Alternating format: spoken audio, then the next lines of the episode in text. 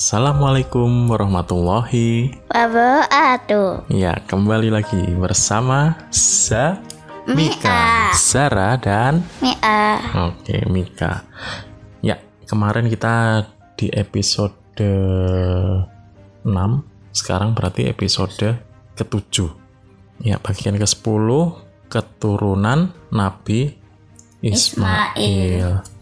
Ya, jadi sebelumnya kita akan membahas tentang Ka'bah ya, membangun Ka'bah ya. Iya, aman. Nah, tempat ibadah tertua itu Ka'bah. Jadi melalui surat Ali Imran ayat 9697 Allah menerangkan bahwa sesungguhnya rumah ibadah tertua di dunia ini adalah yang ada di Mekah, yaitu Ka'bah.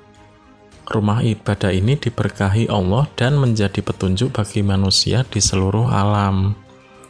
Begitu tuanya umur Ka'bah sampai tak seorang pun tahu telah berapa lama Ka'bah berada di muka bumi ini. Ka'bah telah ada sebelum Nabi Ibrahim dan Nabi Ismail diperintahkan membangunnya kembali.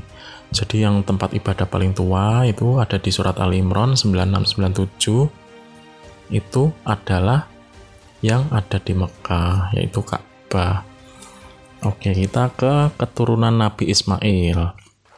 Ini anak-anakku, adik-adik tersayang, tak lama kemudian Ismail yang udah besar, yang tadinya mau disembelih, itu udah besar Ismail, udah dewasa. Nah, Ismail menikah. Namun, belum beberapa lama, rasa gembira itu berubah duka karena Bunda Hajar wafat. Bunda Hajar itu ibunya Nabi Ismail. Ismail amat kehilangan ibunya. Betapa tidak, dia ditinggal oleh orang yang sangat dia sayangi dan menyayanginya. Mendengar istrinya wafat, istrinya siapa? Nabi Ibrahim.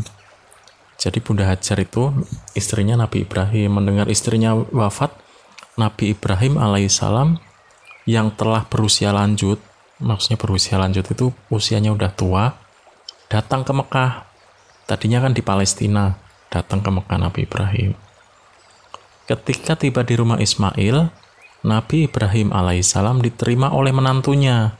Menantunya berarti istrinya Nabi Ismail. Tapi saat itu Nabi Ismail itu belum jadi nabi. Jadi masih namanya Ismail, belum Nabi Ismail. Nah, terus Nabi Ibrahim nanya, bagaimana kehidupan kalian? Nanya ke istrinya. Kata istrinya gini, hidup kami susah dan terlalu sederhana. Bahkan sekarang pun saya tidak dapat menyuguhkan apa-apa kepada Bapak. Keluh istri Ismail. Nabi Ibrahim alaihissalam termenung. Dia pun berdiri dan pamit. Terus Nabi Ibrahim ngomong, sampaikan kedatanganku ini kepada Ismail. Katakanlah juga kepadanya bahwa aku ingin agar dia mengganti gerbang rumah ini. Akhirnya ketika Ismail pulang, istrinya menyampaikan pesan itu. Kata Nabi Ismail, itu ayahku. Pesan itu memerintahkan agar saya menceraikanmu karena kamu tidak berlapang dada menjalani hidup kita yang sederhana. Jadi istrinya tadi kan ngeluh, ya kan ngeluh, ayahnya datang nggak disuguhin apa-apa, malah dikeluh-keluh, ngeluh. Nah akhirnya minta diceraikan.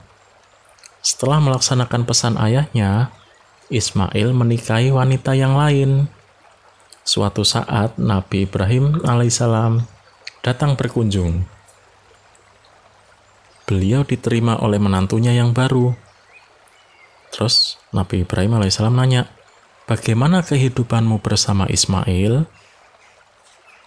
Alhamdulillah, Ismail adalah suami yang penyayang, rajin bekerja, dan selalu membimbing saya di jalan Allah Subhanahu wa Ta'ala.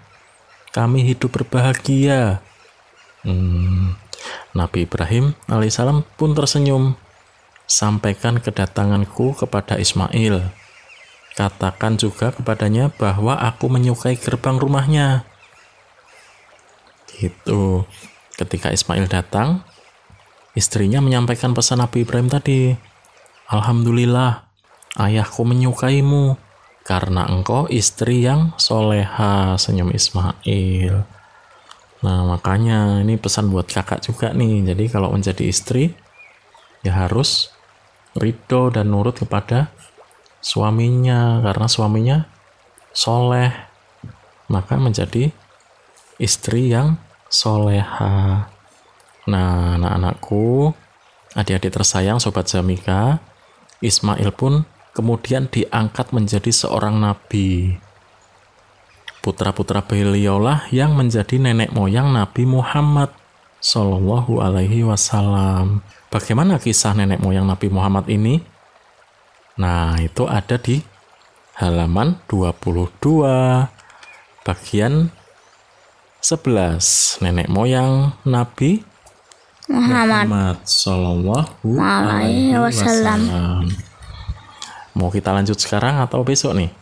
Seang azah Kapan? Seang azah Oke. Jadi kita ke bagian 11 nih. Nenek moyang Nabi Muhammad. Salah seorang nenek moyang Nabi Muhammad Sallallahu Alaihi Wasallam bernama Hasim bin Abdul Manaf. Dia adalah seorang pemuka masyarakat dan orang yang berkecukupan. Jadi dia itu kayak pemimpin masyarakat gitu, misal Pak Lurah gitu. Apa? Kayak Pak Lurah, Pak RT, itu pemuka masyarakat dan orang yang berkecukupan. Jadi nggak miskin, hidupnya cukup. Masyarakat Mekah mematuhi dan menghormatinya. Hmm. Wahai penduduk Mekah, aku membagi perjalanan kalian menurut musim. Jika musim dingin tiba, pergilah berdagang ke Yaman yang hangat. Jika musim panas, giliran kalian pergi ke Syam yang sejuk. Demikian keputusan Hasim. Jadi Hasim tadi nenek moyang Nabi Muhammad Muhammad. Nah, anak-anakku, Zara, Mika, adik-adik tersayang Sobat Zamika, Hasim tambah disayangi penduduk Mekah. Karena pada suatu musim kemarau yang mencekam, dia pernah membawa persediaan makanan dari tempat yang jauh. Padahal saat itu makanan amat sulit didapat. Terima kasih wahai Hasim, engkau menolong kami dengan pemberian makanan ini. Seru penduduk Mekah. Nah ini ada fotonya nih. Ya kan? Jadi dia karena musim kemarau nggak ada makanan, dia datang dari tempat yang jauh ngasih makanan. Di bawah kepemimpinan Hasim, Mekah berkembang menjadi pusat perdagangan yang makmur. Makmur Makmur itu ya sejahtera. Perdagangan yang kayak yang ramai itu, yang berkecukupan. Pasar-pasar didirikan sebagai tempat berniaga. Kafilah-kafilah dagang yang datang dan pergi silih berganti, baik pada musim panas maupun pada musim dingin. Demikian pandainya penduduk Mekah berdagang, sampai-sampai tidak ada pihak lain yang mampu menyaingi mereka.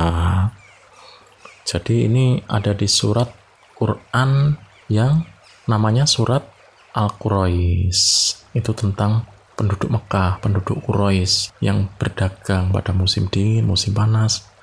Ya kan? Waktu abang sekolah kelas kutab awal 2E diajarin kan? Nah, ini akan tetapi ya adik-adik tersayang, Sobat Jamika, di samping kemajuan besar itu, masyarakat Arab juga mengalami kemunduran luar biasa. Kenapa kemunduran?